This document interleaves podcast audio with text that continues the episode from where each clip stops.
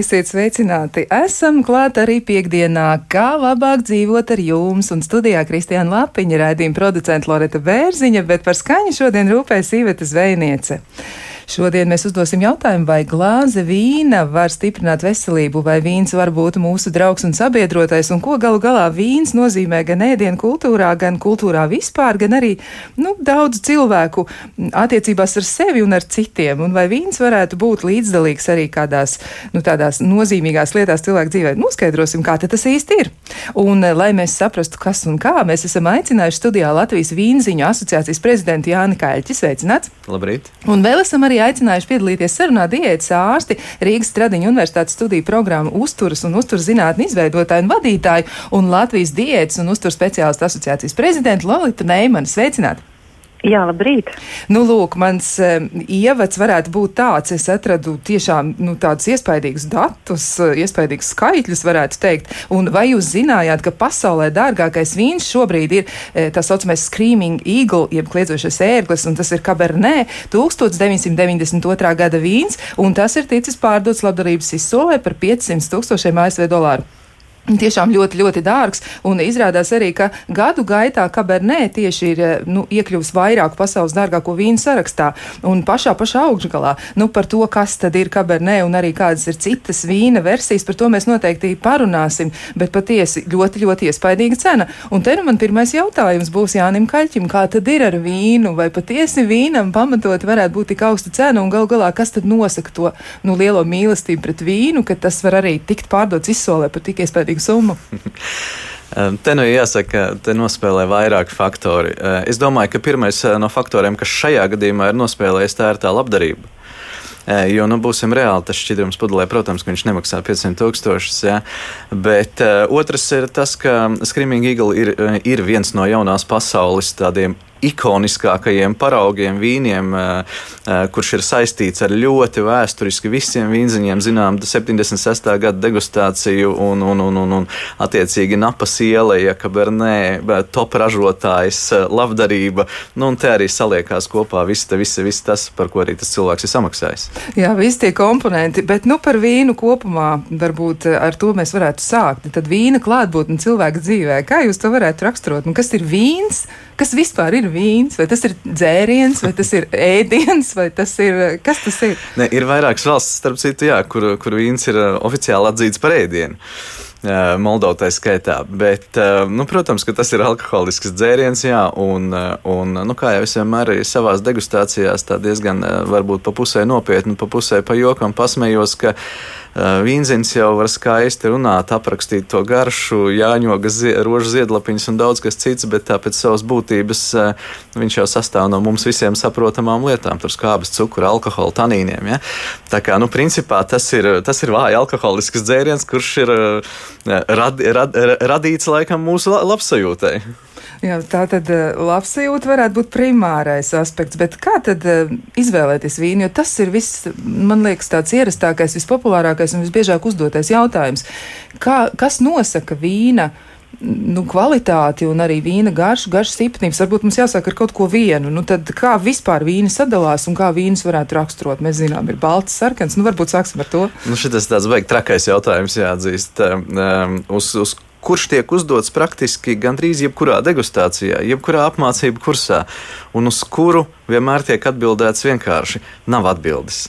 Kā, kā izvēlēties? Jo cilvēks eh, tikai degustējot, tikai lietojot, eh, tikai eksperimentējot ar laiku, var atrast to sev pieņemamāko garšu. Viņam garšo dzirkstošs, balts vai sarkans, vai atkarībā no gada laika, vai atkarībā no ēdienu šķīva, vai atkarībā no kompānijas, kas ir, kas sēž pie galda. Eh, viņam garšo saldens sākumā, ja pēc tam jau laikam ejot, viņš no tās, saldenā, no tās saldenās garšas attiet pāriet tomēr uz tiem sausajiem, un beig, beigās pēc tam jau tā vīna pasaule pasaule ir tik plaša, ka tur var eksperimentēt arī visu mūžu un atrast aizvien jaunas garšas. Bet tas galvenais moments ir tāds, ka atverot vīna pudeli un pagaršojot to pirmo vīna malku, nu, galvenais, lai ir tās emocijas. Uh, ok, viņas var būt pozitīvas, varbūt arī negatīvas, ja, bet lai ir šīs emocijas, lai, lai, lai cilvēks saprot, ka tas vīns ir bezgala dažāds. Un tad jau attiecīgi, ok, atrod valsts, atrod šķirni, uh, stilu, un tad jau, tad jau var balstīt to, pie, to, to savu garšošanas pieredzi kaut vai, teiksim, uz dažādiem šardonē. Tu pamēģini sākumā vienu šardonē, un pēc tam tu pamēģini vēl 50 dažādus šardonē. Ja? Un, un saproti, ka arī viena vīnogu šķirne var būt diametrāli pretēja, ja? viegla un kraukšķīga, un tajā pat laikā spēcīga un miesīga šajā pudelē. Tas ir tāds nebeidzams eksperiments. Jums ir tāda ļoti krāšņa apzīmējuma tam, kā jūs to raksturojat, jo vīna garšas un atšķirības. Bet eh, te es gribu iesaistīt sarunā arī Lolitu Neimani un apjautāties, nu kā tad ir ar vīniem, vai vīns, kā Moldovā izrādās, ir atzinuši, ir ēdiens vai vīns ir dzēriens, nu kā mēs vīnu varētu raksturot no šī viedokļa raugoties. Jā, man arī m, mm, paldies m, par uzaicinājumu. Un, un Jāņa tie kraukšķīgie un miesīgie apzīmējumi patiesībā ļoti jauki. Bet nu, man tagad ir jāsaka viens tāds stingrs vārds, kad veselības ministrija izdevusi veselīgu uzturu ieteikumus. Jāsaka, arī es šajā ekspertu grupā jau no laika gala esmu bijusi. Un katrā valstī ir šādi veselīgi uzturu ieteikumi. Iepriekšējā redakcijā bija tā, ka uh, pieaugušie lietojiet alkoholu ar mēru, nu, tad tur arī noteikti šīs vienības, cik tad sievietei, vīrietim. Nu, jāsaka, ka pagājušajā gadā, tad, kad mājā tika aktualizēti šie ieteikumi, tad beigās uzrakstīts nelietojiet alkoholu vispār. Ja? Nu, tā, bet nu, skaidrs, ka m, ikdienā un, un, un svētkos tāpat, un, nu, īpaši jau es gribētu teikt, ka svētkos tas ir dzēriens. Nu, es gribētu gan teikt, ka Latvijā mums noteikti tas ir dzēriens, tas ir alkoholisks dzēriens. Uh, pat ja šie stipruma grādi nu, stipri atpaliek varbūt no stiprajiem alkoholiem, nu, tomēr tas ir alkoholisks dzēriens. Un laikam jau no dietologa puses, no ārsta puses, man vienmēr jāsaka par šo mērenību, par šīm devām. Un mēs cita starpā vakar arī ar kolēģiem te, mm, gribam sākt vienu projektu, kur, kur, kur anketēt. Mm, studentus, un tur arī bija jautājumi par alkoholu. Arī tur bija tā, vai jūs lietojat lielās devās, un, un, un šīs sešas devas ir no tās, tās mega lielās. Nu, tālāk ir jautājums, ja draugs satiekās tādam jaukam vakaram un paņem vai nu šo vieglo uh, balto vīnu, un tur, protams, nāk klāt arī uh, nu, kāds sieriņš, labs un varbūt kāda olīve. Tad jautājums, nu, vai tad mēs apstājamies pie tās devas, kas tur ir tie 150 ml. Vēl jau vairāk, ka šobrīd ir tik skaistas vīna glāzes nopērkamas. Un, un, un, un man, man patiesībā patīk vairāk tās, kurām ir 750 ml. Un tad, ja kāds saka, es jau doktori neko daudz, es jau tikai vienu vīna glāzi dienā, tad jājautā, cik. Nu, jā, tās ir tādas pārdomas uh, no, no, no ārsta puses, un starp citu, mana pirmā mm, profesija pirms dietologa bija narkoloģija. Tā kā savā ziņā, jā, bet uh, es pilnīgi noteikti teikšu, jā, vīns ir dzēriens, kas uh, dod ļoti patīkamas emocijas, bet ar piebildi. Ja viņš ir dzerts par daudz, tad uh, nākamajā dienā patiesībā tās emocijas galīgi vairs nav tādas, kā vēlētos. Tā kā nu, visa tajā, ko es teicu, nu, laikam gribētos uzsvērt to vārdu mērenība. Un tas attiecās ne tikai uz alkoholiskiem dzērieniem, tas attiecās tikpat labi arī uz produktiem. Jo, jo laikam ir tā, ka mērenība ir jāievēro tiešām gan ēdot, gan dzerot. Un tas, ko mēs vairāk varētu darīt, un tas, kas šajā te, nu, diezgan nepatīkamajā laika periodā ir bijis, mums tās fiziskās aktivitātes ir nu, diezgan strauji kritušās. Kaut kas mums savā dzīvē droši vien ir jāpieliek, jādara vairāk. Nu, jā, un šeit tas vārds noteiktā mērenība. Bet eh, es esmu arī vīna cienītāja, un, un tā kā Jānis teica, ka ar gadiem noteikti mainās tās, tās izjūtas, jā, jo sausāks un, un, un, un mazāk sāls tas patiešām tā arī ir. Jā, tā tad arī vīna gaume, jeb gaume lietot vīnu un izvēlēties, un tas noteikti arī attīstās, bet uh, izskatās, jā, ka tas nemaz nav tik sens stāsts, jo arī, nu, vēsture liecina par to, ka tā kombinēšana vīns un ēdiens, ja, ka tas ir uh, radies 19. gadsimta sākumā, jā, vai tā ir, un kā tad tas viss kopā sadara? Es gribu jautāt Jānim Kaļķim, nu, kā tad uh, mēs kombinējam vīnus, un jūs arī teicāt, ja, ka ir atšķirības. Nu, sarkans, balts, labi, mums kaut kas garšo, kaut kas nevisai garšo garšo, un atverot pudeli mums ir emocijas. Ja? Tad nu, mēs mēģinām saprast, vai jā vai nē, vai teikt jā tam vīnam, vai tieši otrādi sūtīt pudeli projām. Bet kā tad kombinēt to ar ēdienu, un kas ir tās nu, tipiskākās un varbūt arī tādas nu, tiešām izmantojamākās kombinācijas? Uh, atkal tāds garais, laikam. Es mē, mēģināšu pateikt tā samērā vienkārši. Atkal, zelta likums, lai garšo ja negaršo pārējiem, nav īsti, īsti nozīmes, lai, lai, lai ko varbūt teiktu arī daudzi mani kolēģi. Bet, eh, ja, ja tā dziļāk paskatās uz ēdienu un dzērienu sadarbību, ne tikai vīnu, bet vispār ēdienu un dzērienu kā tādu, tad um, ir tie trīs galvenie vaļi, uz kuriem balstīs uh, savu izvēli jebkurš vīnzinis restorānā. Un tā ir uh, reģionālā sadalība, sadarība, struktūra sadarība un garšu miedarbība.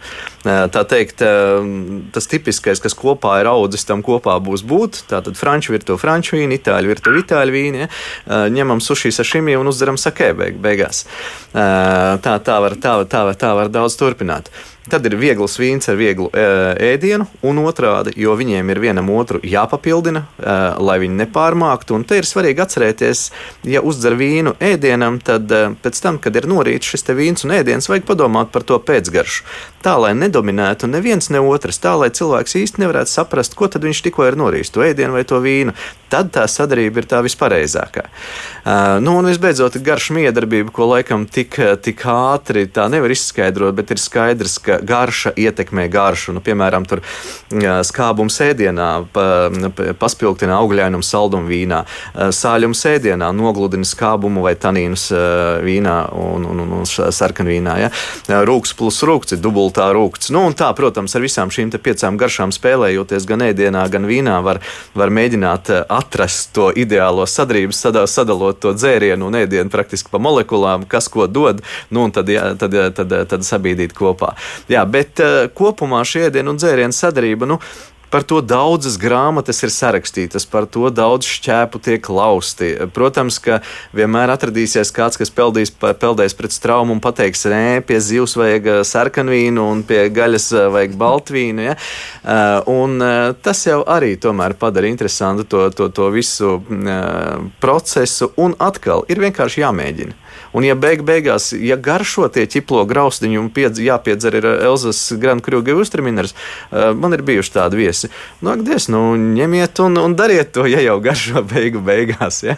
jo kaut kādu domu graudu arī tur var atrast. Un arī visas tradicionālās sadarbības, viņas ir balstītas uz tiem pašiem, tiem pašiem manis pieminētajiem trijiem vaļiem, ja? nu, ikri un šampānietis. Kāpēc?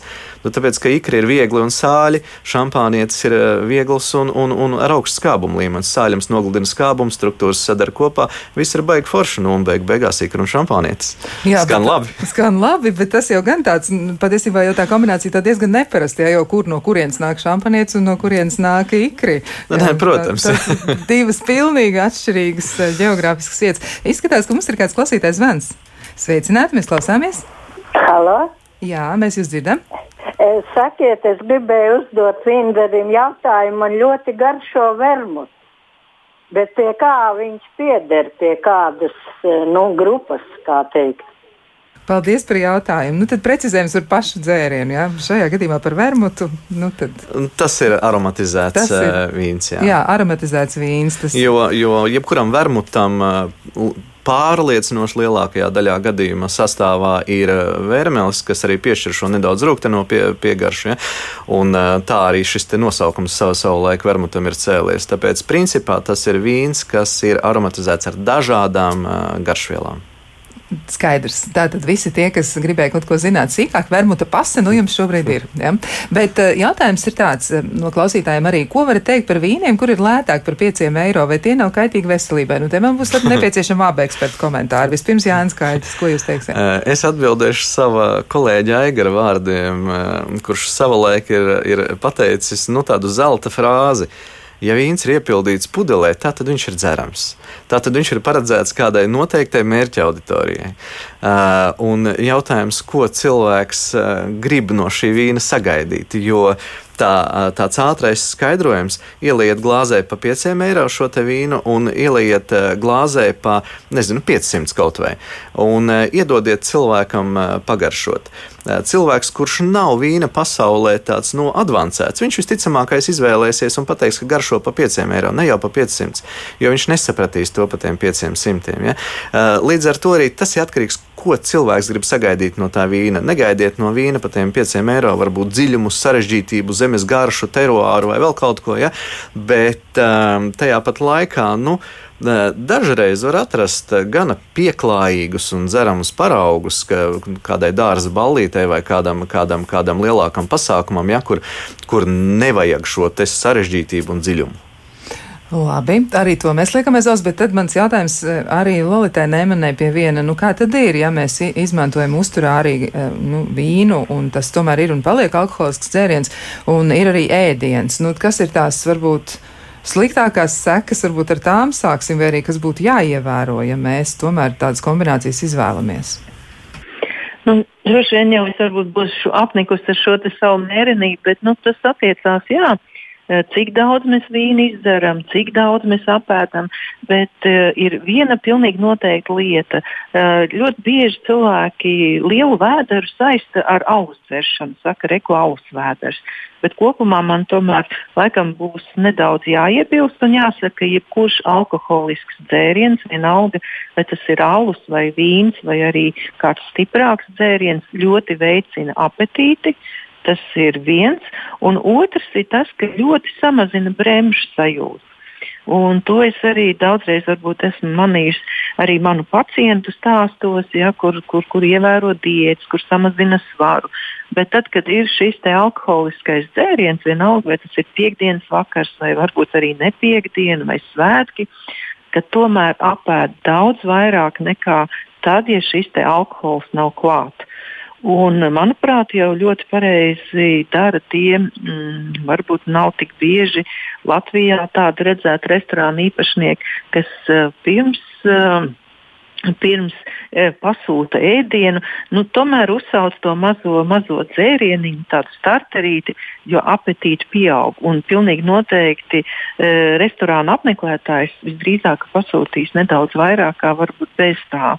Jo, jā, lielisks apetītes rosinātājs, jebkurš alkohols, un jā, bremžu mazinātājs. Un tad kaut kā arī aizmirstās par, par, tām, par tām domām, ka reku man tur jūlijas vai augusts ir diētas mēnesis. Un, nu, to ir, jā, ar to ir jārēķinās, kad pieaug apetīte un, un, un tiešām cilvēks arī nedaudz, nedaudz aizmirst jā, par to, ko varbūt pirms tam ir vēlējies. Nu, un šeit jau nu, jā, ja tas ir auss, tad turklāt ir ķiploka augstdiņi vai, vai e, kalmāra gredzeni. Ja vīns, tad burvīga lieta, protams, ir siers. Un uh, siers ir uh, laikam viens no maniem mīļākajiem ēdieniem. Uh, pilnīgi noteikti aizstāja jebkuru saldumu, tortes, šokolādes, kūkas, eklērus, vienalga ko. Bet arī jārēķinās, ka siers ir ļoti, ļoti kalorijām bagāts. Un, jā, garšīgs un kalorijām bagāts. Un tad šī kombinācija, teiksim, vīns ar sieru, var gadīties, ka tiešām pienes ļoti daudz enerģijas, un ja mēs to enerģiju neiztērējam, nu, tad tas pēc tam ir redzams auguma aprisēs. Bet, ja tas notiek svētkos, ja tas nenotiek bieži, tad, protams, nekāda vaina tur nav. Nu, atkal jautājums, cik bieži mēs šos svētkus radām un cik bieži ir šis vīns un siers, un varbūt olīves un, un, un tādas lietas, un vīnogas. Nu, tā tad atkal jautājums par to, cik bieži. Tā tad mērenība, mērenība un mērenība atkal vēlreiz pie tā paša jāatgriežas. Un, um, Klausītājiem arī ir ļoti tādi, nu, es teiktu, arī skarbi komentāri daži, ja, ir klausītājiem arī viedoklis, ka mēs mēģinām Nu, tā kā varbūt runāt ļoti labus vārdus par vīnu vai par alkoholu, un viņi to interpretē arī kā tādu iespējamu alkohola lietošanas propagandu. Noteikti tas tā nav, jo mēs drīzāk gribam sasniegt citu mērķi. Mēs gribētu varbūt mazināt kā reizi nekritisku alkohola patēriņu un eh, samazināt tās iespējas, ka cilvēkiem rodas arī dažādas veselības problēmas eh, šajā saistībā. Un vēl starp citu, man gribētu arī Loditē neminēji apjautāties par to, mm, ir viens no klausītājiem uzrakstījis tā, ka, nu, tajās zemēs, kur vīnu kultūra ir tāda ļoti attīstīta, tomēr ir problēmas cilvēkiem ar aknām, aknu cirozi, un ka tur arī mirstības rādītāji ir daudz augstāk. Varbūt varētu lūgt komentāru no Lolītas arī šajā saistībā. Jā, nu varbūt par, par aknu cirozes esamību Latvijā es droši vien nebūšu šobrīd eksperts, nepateikšu cik tas procentuāli vai tas pieaug, bet nu, pilnīgi noteikti, ka Latvijā alkoholu lieto noteikti par daudz. Un it kā jau ik pa brīdim ir arī valdības līmenī šādi lēmumi, piemēram, kaut vai par šīm alus iepakojumiem, tātad vairs nav nopērkam šīs divlitrīgās pudeles. Nu, kaut kas jau tiek darīts, bet es domāju, ka šī te, mm, dzeršanas kultūra pie mums nu, tiešām ir varbūt, man grūti pateikt, kā tas ir pēc padomijas gadiem mainījies, bet šobrīd jā, mēs eh, daudz runājam arī tā skaitā par vīnu, kā par lielisku antioksidantu avotu. Tur ir tanīni, tur ir vesela virkne dažādu antioksidantu. Bet ne jau vēl tas pašā sākumā teica, veselības ministrija šobrīd veselīgu uzturu ieteikumos ir pateikusi, ka alkoholu nelietojiet. Jā, tas ir kaitīgs veselībai. Tā, tas tomēr ir jāpatur prātā. Un arī runājot varbūt ar saviem pacientiem, tā skaitā, kas pamatā vairāk, protams, ir sieviešu dzimuma pārstāvis, kad arī sieviešu vidū šis te, uh, nu, šis ieradums, jā, ka nu, pārsvarā, protams, tie ir viegli dzērieni. Jā, es tā neesmu dzirdējis daudz sievietes, kas teikt, ka aizraujās ar, ar viskiju vai konjaku baudīšanu vai degvīna, bet uh, arī tas vīns, protams, var būt uh, par daudz, un tad ir par to jāsatraucās. Un, jā, tāpēc arī varbūt es no, piekrītu, ja kāds arī no mūsu klausītājiem par to atgādina. Šeit ir nu, no vienas puses jā, vīns un sevišķi sarkanvīns ir varbūt um, mazās devās atkal pasvītroši, ir, uh, nav slikts sirds asinsvadu veselībai. Uh, Bet, jā, jā, protams, jāpaturprātā gan aizkuņa dziedzerim tas var nepatikt, gan aknām, gan varbūt mūsu zarnu traktam, tas var nepatikt barības vadam. Nu, tomēr, tomēr nu, tas nav tāds ēdiens, ko mēs varētu salīdzināt nu, nezinu, ar jebkuru no pārtiks produktu grupām. Tas tomēr ir alkoholisks dzēriens. To arī mēģinām turēt prātā, un Jānis Kaļķis pacēla roku, viņam gribas ko piebilst. Jā, eh, par to mērnību, protams, eh, lai, lai kā es slavinātu šo dzērienu, es piekrītu tai mērnībai, un, un atkal es atkārtošos, laikam es, es arī savās lekcijās vienmēr uzklausot tradicionālo jautājumu, kurš ir nākamais pēc tā, kā izvēlēties vīnu, nu ko tad dzert, lai nākamā dienā galva nesāp mazāk vajag dzert. Jo nu, izdzeriet spaini ūdens, un jums arī sāpēs tā galva visticamākais. Tāpēc, tāpēc nu, mans kā vīnziņa pienākums ir nu, vairāk izglītot. Dzert var būt lietot, degustēt, baudīt kvalitatīvāk, bet mazāk. Uh, un, un, un uh, nu, ne, nevajag, ne, nevajag noteikti ieiet veikalā un skatīties uz tām dzeltenajām cenām un pirkt vienalga ko, ka tikai lētāks, bet izvēlēties tieši to, kas tomēr patīk un lietot retāk. Un lietot retāk un arī mazāk. Jā, nu, vēl arī klausītāji ir jautājums. Viena no klausītājiem raksta, un jautā, kas tas par vīnu tetrapakās, vai tas nav kaut kāds vīna dzēriens, kas tas ir? Nē, nē, tas ir, tas ir vienkārši alternatīvs iepakojums, kurā ir tieši tas pats vīns, kas ir arī pudelēs. Tikai, protams, ka jāņem vērā, ka tajās tetrapakās nav iepildīts tur augsts raudzes vīns, kas ir paredzēts tur um, nogatavināšanai un uzglabāšanai. Viņš ir paredzēts dzert jauns un ir jāpievērš vienkārši ja, informācijai uz iepakojumu, kad viņš ir iepildīts šajā te pakā. Baltvīns tas ir nu, ne vairāk kā gadu, viņam vajadzētu pavadīt šajā pakā sarkanvīnam ne vairāk kā pusotru, jo tas nav tāds hermetisks iepakojums, kurš pasargā šo vīnu tomēr. Un līdz ar to arī, ja ilgāk viņš atrodas šajā iepakojumā, protams, ka tā kvalitāte krīt, un tad jau viņu noteikti vairs arī nevajadzētu lietot. Skaidrs. Vēl jautājums, nu tas gan būs tipiski vīnzinim jautājums. Restorānos pasniedz vīnu pudeles korķi, lai to paost, un vai no tā var gūt priekšstatu par vīnu, un uh, pudeles korķi pasniedz arī kā īpaši dāvana apmeklētājiem kādreiz. Un kāpēc tā dara? par dāvanu nezinu. ir cilvēki, kas vienkārši arī nu, tos korķīšus varbūt kolekcionē un tur taisa visu, visu, visu visādas mantiņas no viņiem mājās, bet uh, korķi pasmaržošanai dod, lai pārliecinātos par vīna kvalitāti, lai pārliecinātos, ka vīns nav bojāts jeb korķēts. Jo eh, tieši no korķa ir atkarīga šī slimība, un eh, neiedziļinoties tur eh, korķa pagatavošanas niansēs, tā ir normāla parādība vīna pasaulē, ka vīns var būt bojāts, korķēts, ja viņš ir aiztaisīts ar parasto korķi. Un, nu, tāds tipiskais aromāts, jeb smarža nepatīkamā, kas, kas būs pirmā pēc šī pelējuma nedaudz, tas norādīs uz to, ka vīns visticamākais ir bojāts. Tieši tāpēc arī dod šo korķi nu, aplūkošanai. Nu, un arī vizuālais izskats un, un, un, un, un, un, un vēl daži, daži faktori. Tā, tā tad arī to mēs liekam aiz auss. Nu, vēl no Lorijas Neimanas, varbūt kādu novēlējumu, kā tad veidot tās labās attiecības ar vīnu un cilvēku, ja cilvēkam ar vīnu, jo Lorita Neimana ir tikai šajā pusstundā un nu, gribētos kaut kādu tādu nu, varbūt kaut nezinu, tādu kopsavilkuma veidā, tādu labu novēlējumu klausītājiem, lai viņi tiešām nu, spēj draudzēties ar vīnu, bet lai tam nav nelāgas sekas. Uh, jā, nu, tā kā man, man arī patīk vīns, es lai arī saku reku pēc iespējas mazāk un mērenību, bet, nu, jā. Uh, tiešām es gribētu ieteikt, varbūt uh, sevišķi tad, kad ir uh, nu, vakars, pusdienas, vakariņas, lai vīnu mēs neizmantojam kā tādu padzērienu, ar ko mēs uz, uzdzeram virsū ēdienam. Nu, patiesībā man tā šķiet, ka ir gan ēdiens jāizbauda ļoti lēnām, ļoti uzmanīgi. Mēs šobrīd daudz runājam par šo apzināto ēšanu. Tātad, ja mēs kaut vai paņemam ābolu rokā, tad mēs uh, nu, no sākuma apskatām, pasmaržojam un tad iekožamies šajā ābolā, izgaršojam.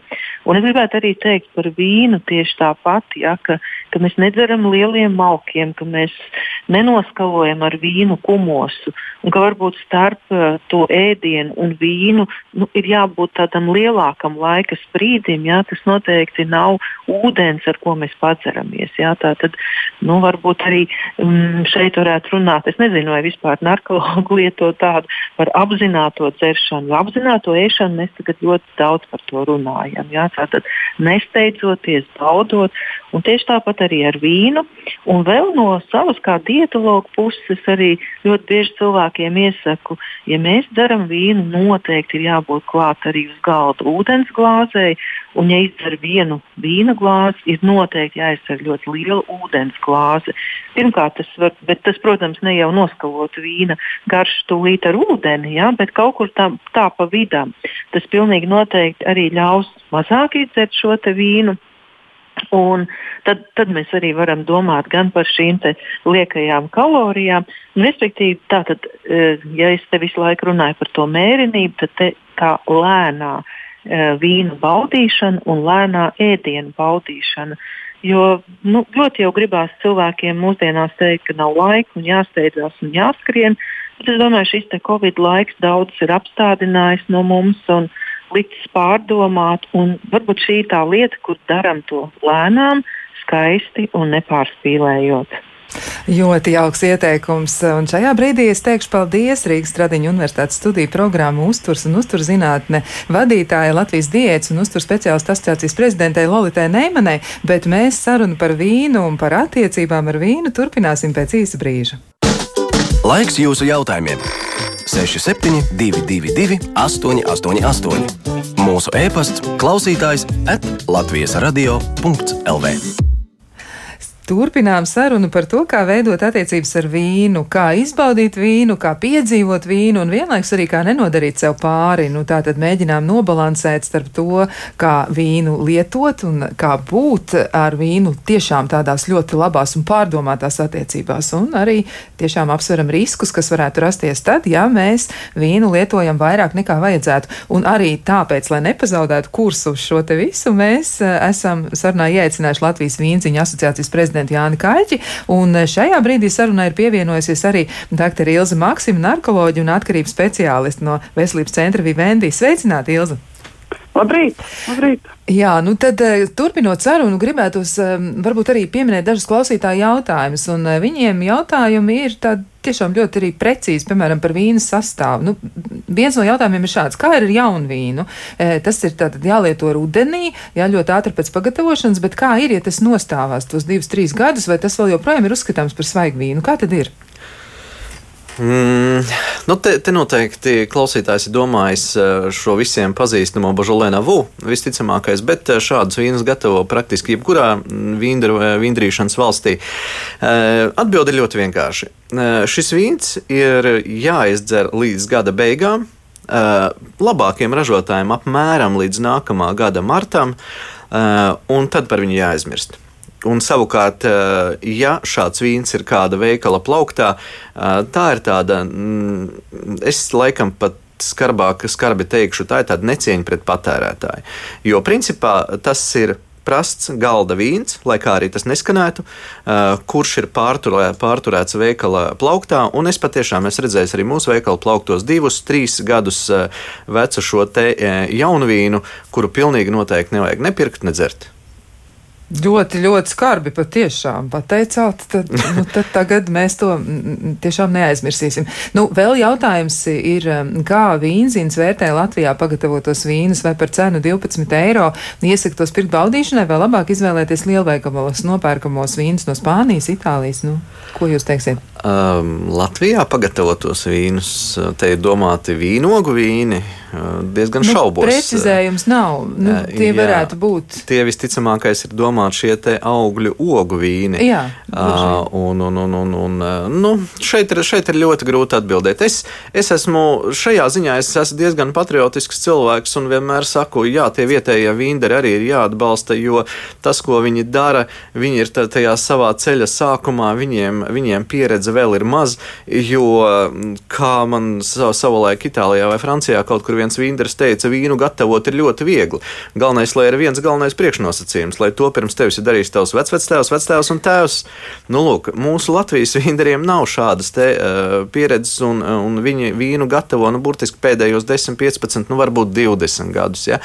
Un uh, šī, šī viņu pieredze aug, un viņi gatavo aizvien labākas lietas. Jā, protams, var šajos kaut kādos gada tirdziņos redzēt dažādas dīvainas lietas, bet uh, ir Latvijas vīndarbiedrība, kuras biedri pilnīgi noteikti gatavo uh, kvalitatīvus produktus. Tos, jā, Protams, mm, vai pa 12 eiro. Nu, te man ir grūti spriest. Arī pa 12 var dabūt uh, labas lietas no viņiem, pa 20 var, un arī beig beigās var sarunāt pa 6 eiro. Var jau vienmēr kaulēties. Arī. To, to mēs reizēm aizmirstam, bet mēs taču varam arī to kādreiz darīt. Vēl ir kāds klausītājs Vans. Sveicināti, mēs klausāmies! Labdien! Labdien uz vīra pudelēm raksta pievieno sulfītus. Varbūt par tiem sulfītiem varētu pastāstīt par šiem konserva konservantiem, cik viņi labi, cik slikti, vai visiem vīnu tādu liek klāt sulfītus. Paldies. Paldies. Paldies par jautājumu nu, par sulfītiem. Jā, uz etiķetes. Nu, tas ir tas ir. bubulis, jā, kas, ko, ir, ko likumdošana pieprasa rakstīt uz etiķetes, bet, nu, ja tā reāli skatāmies, tad um, Ir regulārā vīndarīšana, ir organiskā, ir biodinamiskā un ir naturālā. Ja? Tie ir četri tādi galvenie, galvenie veidi. Un, principā, nu, vismaz 90% gadījumu, pat vairāk, šie sulfīti būs pievienoti. Jo uh, tas stabilizē vīnu un tas neļauj vīnam bojāties, tas neļauj vīnam oksidēties. Un, uh, līdz, ar, līdz ar to arī principā, tas pasargā vīnu no bojāšanās. Jo, ja vīnam nepievienos šos sulfītus, tad, uh, tad nu, pusgads, viņa mūžs ir apmēram. Nu, vairāk vai mazāk tas no vīna stila, protams, ir atkarīgs. Un, eh, nu, nav tas, nav tas eh, ka, kaut kas ļoti kaitīgs eh, cilvēku organismam. Sulfīts izmanto jau no seno romiešu laikiem, un nu, mūsdienās tikai, protams, tas ir padarīts par tādu nelielu bubuli. Un tad, kad cilvēki man saka, jā, man tur no tieši no sulfītiem sāp galva, un, un, un, un, un, un tāpēc es nevaru dzert vīnu, nu, tad es iesaku paeksperimentēt. Nu, paņemiet žāvētu augļu paciņu un apēdiet. Nu, ja galva nesāp, tā, tad tas nav no sulfītiem, jo tajos žāvētajos augļos jau tas sulfītu daudzums ir daudz, daudz reizes lielāks.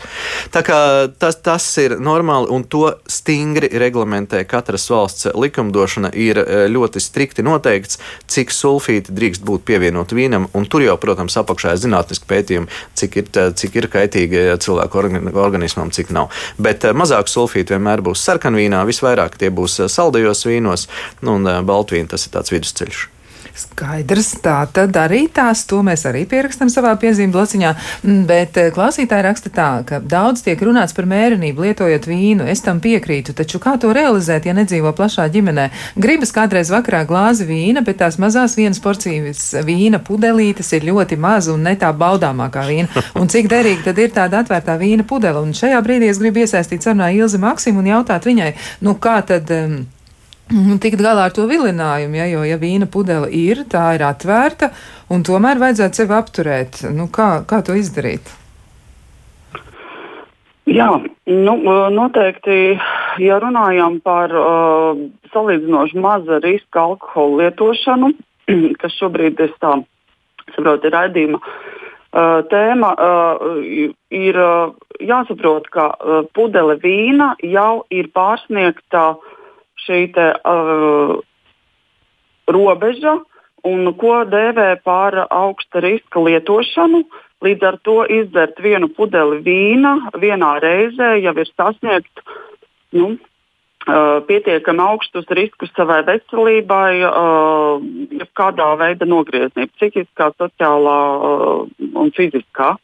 Uh, ja runājam par vispār alkohola lietošanu, noteikti pirmais, ko gribās teikt, ka nevar sev kaitēt, eh, ja es nelietoju vispār, un šī alkohola tomēr glorificēšana par to, cik tas ir uh, labs, es nevarētu piekrist kaut vai no sava kā narkologa redzējuma, jo citreiz viņa lietošanai tiek piedāvātas nu, ļoti tādas dzīvībai svarīgas uh, lietas, bet īstenībā tā gluži nav. Zinātne pierāda pretējo, un mēs uh, ļoti bieži paši neapzināmies savus riskus vai mēs drīkstam vakarā uh, katru vakaru iedzert šo vien, vienu vīna glāzi, kas it kā atbilst uh, maza riska uh, nu, tādai pieejai, bet uh, ja es neapzinos savus riskus uh, un, un nezinu visu par savu ģimenes vēsturi, nezinu par to, kas notiek ar manu psihisko veselību, vai es nemeklēju kādas, nu, jāsaka tā, uh, neveselīgas alternatīvas un neesmu pamēģinājis kaut ko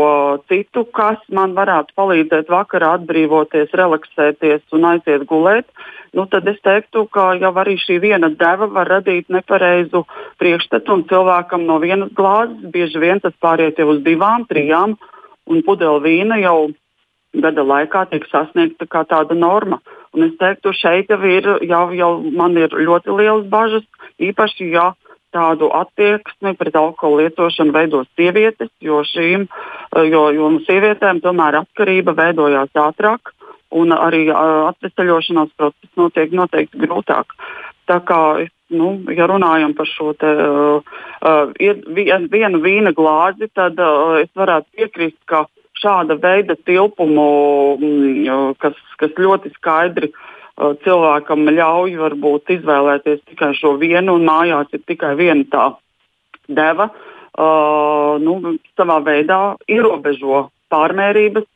Jo, ja ir atvērta pudele un ja vēl ir skaidrs, ka tie glabāšanas noteikumi ir kaut kādi terminēti, cilvēks var pieņemt lēmumu no tādas skaudīgās puses, ja nu, iztērēja naudu, piemēram, ne, ne, ne mazu, un es šo vīnu pudeli izdzeru. Nu, tas varbūt būtu mans tāds redzējums un skaidrojums par šo. Jā, tas nebūtu labākais veids, kā vīnu, nu, kā vīnu patērēt, ja tad dzert straujos, milzīgos, lielos apjomos. Noteikti nē, narkologi pret to iebilst, un patiesībā laikam jau jebkurš saprātīgs cilvēks teiks, ka tā nebūtu labākā rīcība. Bet jautājums šoreiz atkal vīnzinim, nu, cik tad derīgi ir tāda atvērta vīna pudeli? Ja cilvēks atver pudeli, nu, tad vai tiešām vajadzētu pieņemt, ka nu, kaut kas viņai notiks, ja tam vīnam viņš sabojāsies vai kaut kas tam līdzīgs būs? Nē, nu, ja no tāda praktiskā skatu punkta, kā šķidrums, viņš būs dzerams arī pēc mēneša. Bet eh, jo ilgāk vīns tiks uzglabāts, jo mazāk eh, nu, viņā saglabāsies šīs garšas un aromātu. Tas, no kā cilvēks gūst šo baudu, vairāk baudot vīnu.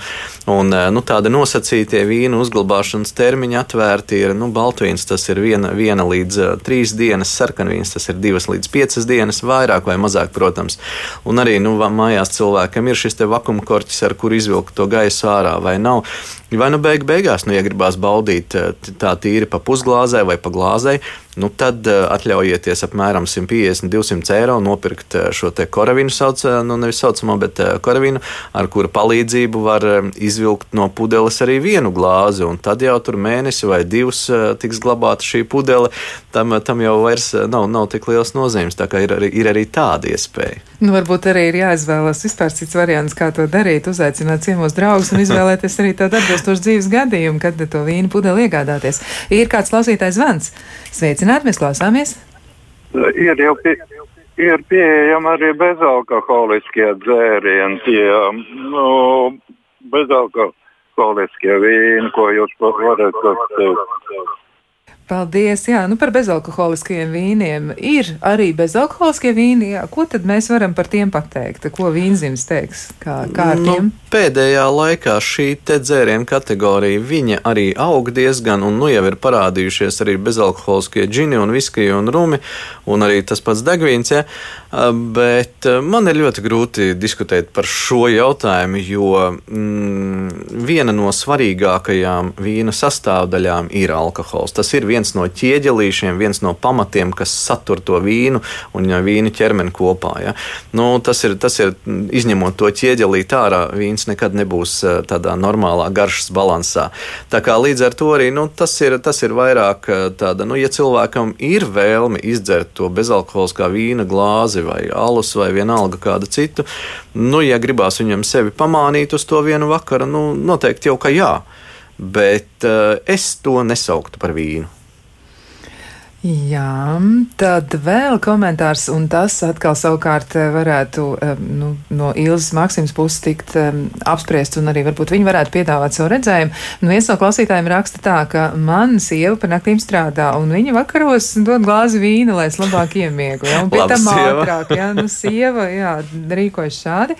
Un klausītāja jautājums ir pirmkārt, ko tas dara ar maniem zobiem? Nu, stomatologu mums blakus nav, bet visticamāk, ka vīns iekrāso zobus. Es domāju, ka tur varētu būt tas arī ar zināmām grūtībām, problēmām saistīts. Tātad nu, kaut ko vajadzēs ar to iesākt. Un uh, otrs jautājums, vai ilgstoši tas var radīt problēmas? Ja tātad, uh, nu, vai ilgākā laikā uh, vīna lietošana vakarā varētu radīt arī problēmas? Nu, es Ilzai Maksimai gribētu jautāt, viņi jau aprakstīja sekas, kas varētu būt saistītas kopumā ar organismu, un arī pirms tam mēs runājam ar Lolitu Neimani, ka tur sekas tiešām var būt, bet tieši runājot par miegu, miega traucējumiem un arī par to, ka cilvēki ļoti bieži izvēlas vīnu, lai mazinātu šādu veidu problēmas, nu, kur tas var aizvest? Halo! Ilze, jā. Jā, man uh, nedaudz radās laikam traucējumi. Tas nekas. Es, uh, Jautājums uh, ir par to, jā, vai vīnu vajadzētu izmantot kā, nu, kā miega uzlabotāju, jo tāda jā. ilūzija varētu mm -hmm. rasties. Nu, kāds būtu komentārs? Uh, nu, komentārs noteikti ir uh, tāds, ka tomēr, um, uh, ja tā uh, vēro miega kvalitāti, alkohols uh, tikai šķietami atvieglo uh, šo at iemikšanas procesu, bet tomēr miega fāze, miega kvalitāte nu, mainās uz sliktāko pusi. Uh, es teiktu, alkohola ietekme, kas rada cilvēkam iespēju iemigt, ir drīzāk saistīta ar tādu tiešām stresa samazināšanas vai nu, šo neiromediātoru darbības um, uh, izmaiņām smadzenēs, kad cilvēkam mazinās trauksme. Un šis ir tas uh, āķis, uz kura ļoti bieži uzķerās, ka dienas saspringzinājums vai uh, dienas pārdzīvojumi, arī kādi varbūt ilgstošāki psihoemocionāli konflikti, šo trauksmes līmeni saglabā vienmēr ļoti augstu. Cilvēks vēlas tā ātri, viegli atbrīvoties. Un tad tā izvēle par labu uh, alkohola glāzē, kas dod šo atbrīvotību, dod šo vieglumu vai tādu mazina vairāk uh, to tādu kri kritisku vai ļoti kontrolējošu pieeju esošai situācijai. Nu, tas rada priekšstats, ka baigi labi. Ja? Bet uh, kas notiek ar cilvēkiem, kam ir šāda veida problēmas? Viņiem uh, jau lietojot uh, regulāri, tomēr tās devas aug. Un tad es teiktu tā, ja dzer šo vīna glāzi katru vakaru, ok, tad tātad katru vakaru ir krustiņš tai dienai un ieraksts, cik tā deva ir izdzerta, un nekad vairāk. Tātad visus turpmākos 10, 20 un tā tālāk gadus savā mūžā cilvēks var šo viena glāzi dzert, bet nekad nevar izdzert divas. Tad es teiktu, ir dzīvē saimnieks, ir, ir cilvēks jā, savai, savam mūžam un veselībai. Bet jā, jau vērojot un atskatoties, varbūt um, gada vai divu griezumā, varbūt pat dažu mēnešu griezumā, kā es iedzēru vīna glāzi vakarā. Pēc diviem mēnešiem man jau gribās divas, un varbūt kādreiz es atļaujos trīs un pudeli. Es teiktu, šī jau ir alkohola pārmērīgas lietošanas uh, nu, uh, pazīme, un uh, no pārmērīgas aiziet jau uz kaitējošu, un no kaitējošas uz atkarību jau ir jāsaka viens solis. Visbiežāk notiek tiešām tāda nejaušam uh, nu, grūtība notvert, kā mainās uz to problemātisko lietošanas pusi. Un šeit var palīdzēt tiešām paša cilvēka statistika. Vai nav tā, ka pēkšņi pēc mēneša diviem es tomēr tās atļautās vīna glāzes vietā jau izdaru divas, trīs un uh, tiešām pudeli. Tā cilvēks var sevi vērtēt, vai varbūt arī līdzcilvēki to var pamanīt un, un nu, teikt, vērst uzmanību par to, ka gluži nav tā, kā mēs norunājām iepriekš, vai gluži nav tā, kā tu pats sev solīji, jā, vai pats sev solīji. Tātad šis kontrolas zudums, gan realitātes, gan uh, pašsajūtas, gan arī alkohola daudzuma kontrolas zudums liecina par problēmas uh, sākšanos. Un tas ir tas, kam jāpievērš uzmanība ļoti nozīmīgi.